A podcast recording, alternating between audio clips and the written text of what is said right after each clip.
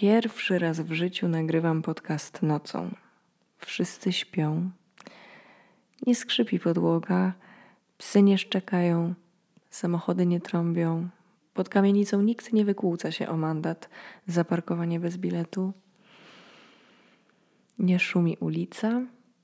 Może od czasu do czasu pokrzykują ludzie, którzy przy weekendzie przestają wierzyć w wirusy.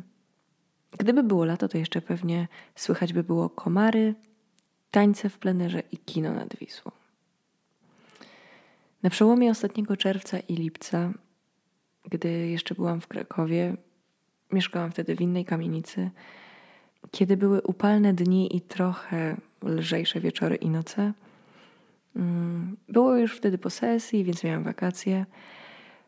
To, żeby trochę odetchnąć po tym całodniowym skwarze, lubiłam siedzieć na moim balkonie. Jadłam bób, czasem coś czytałam, czasem nic. Czasem siedziałam z kimś i wówczas to ja dawałam siebie podglądać i dopisywać historię do obrazka. Miałam widok na podwórko, jakby od środka i tak mieli balkony wszyscy mieszkańcy. Jakby ten budynek zawijał się jak rogalik do środka. I to było moje guilty pleasure. Siedzenie na balkonie i spisywanie co ciekawszych zasłyszanych dialogów, rozmów telefonicznych, mm, śpiewanych piosenek. Ja wiem, ja wiem, że to znowu brzmi trochę creepersko. O, jedzie samochód. Pamiętam, jak starsi sąsiedzi z dołu odgrzewali w mikrofali na balkonie mm, naleśniki i mieli swoją letnią randkę. Albo jak jeden pan z góry zagrzewał swoje dzieci do mycia zębów i śpiewał zęby, zęby, zęby, zęby, zęby, zęby myją się bez przerwy. To się niosło z tego czwartego piętra, dolatywało do mnie na drugie, mm, no bo było lato i wszyscy mieli otwarte okna. Teraz trochę kleją mi się oczy, bo nie lubię i mało kiedy żyję w nocy. Chyba, że tak jak wczoraj zagadam się na śmierć z moją przyjaciółką nad miską czokapików. Nawiasem mówiąc cudowne, kiedy traci się poczucie czasu, bo jest ci z kimś tak dobrze i nie orientujesz się, jak to się stało, że z wejścia do kocyka mm, robi się pięciogodzinna rozmowa.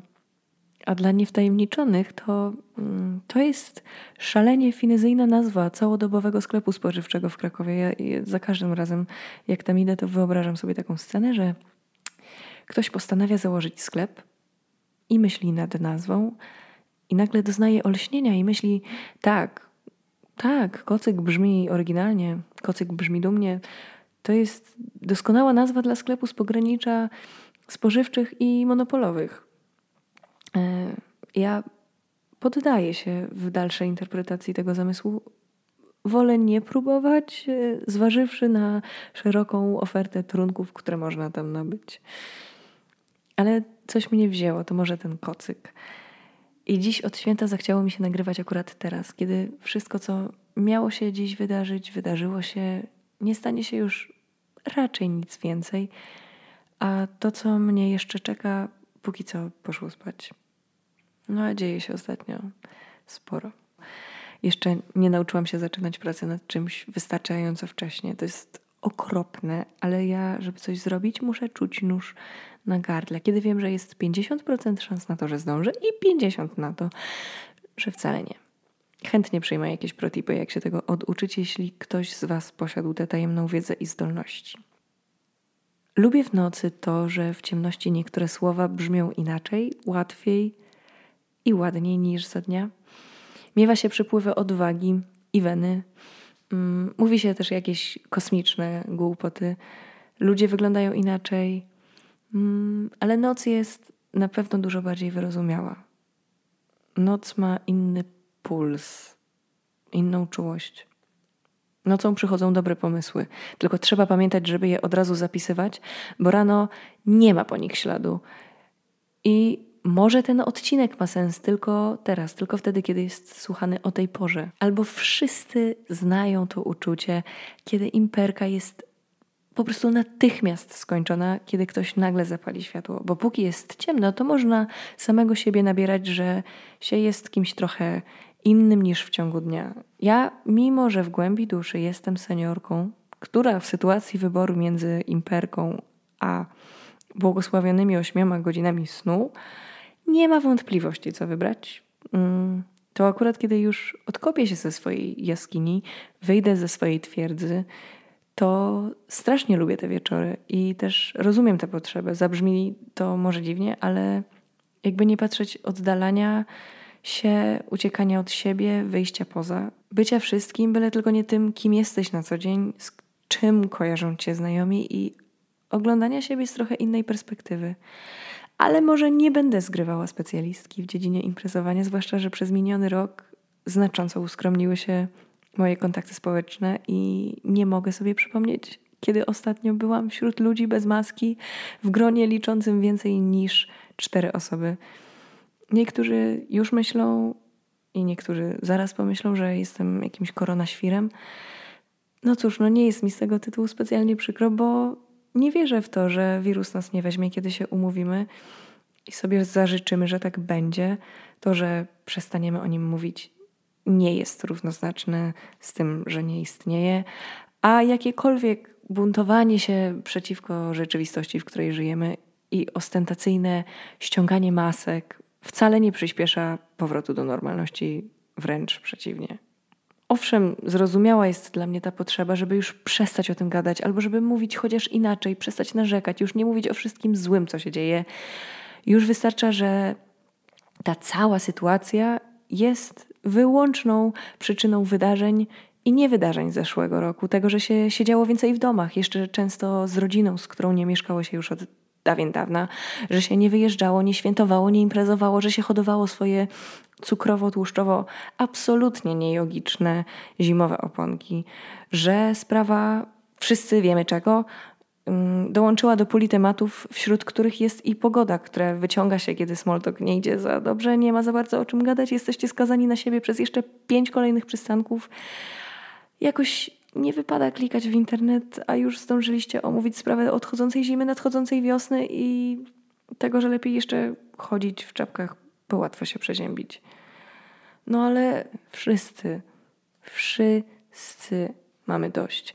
A niektórzy nawet przestali się bać tego, że mogą zachorować, bo są młodzi. Wiecie, ja też się o siebie nie boję, ale noszę maskę i nie kręcę koronaparty tylko dlatego, bo nie chciałabym nikogo nieświadomie zarazić w akcie swojego pseudobuntu wymierzonego nie wiadomo w kogo i w co. A wracając do tematu wyjściowego, zrozumiałe jest dla mnie też to, że się czasem miewa samego siebie dość. Ja kiedy mam przesyt wyobrażeń własnych i cudzych na swój temat, najpierw wpadam we wściekłość wymieszaną z przytłaczającym poczuciem beznadziei, że się z tego nigdy nie wygrzebie i mam dość wszystkiego i wszystkich. I w moim przypadku to są takie napady. Raz na jakiś dłuższy czas, kiedy na przykład dostaję w nadmiarze diagnozy swojej osoby, o które wcale się nie proszę i które ktoś mi prezentuje, bo tak naprawdę ma głęboki problem z samym sobą.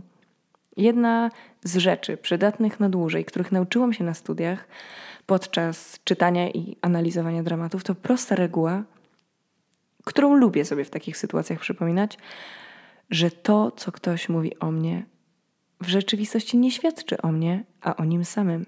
Niby Paulo Coelho, ale w takich momentach oczywisty nie tak od razu. Nie chodzi rzecz jasna o odpieranie konstruktywnej krytyki, a o nieprzywiązywanie się do wszystkiego, co mówią o nas ludzie, zarówno tego dobrego, jak i negatywnego, bo wtedy nie budujemy poczucia własnej wartości na czymkolwiek stabilnym.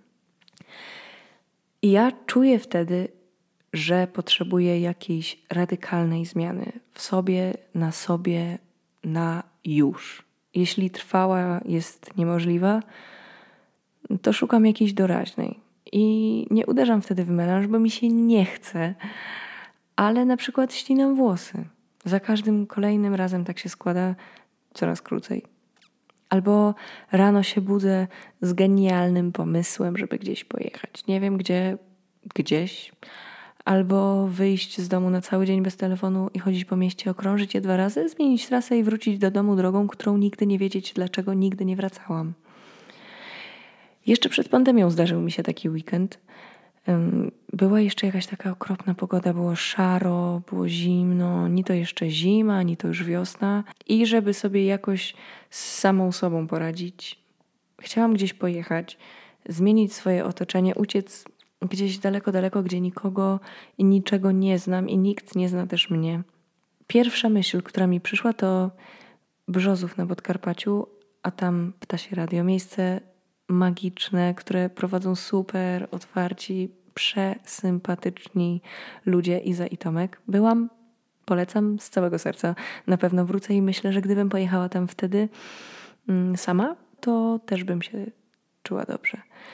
Ale że połączenia autobusowe były jakieś beznadziejne, to porzuciłam ten pomysł, a zamiast tego wsiadłam w pociąg, który jechał ze trzy godziny w jedną stronę. Już nawet nie pamiętam gdzie.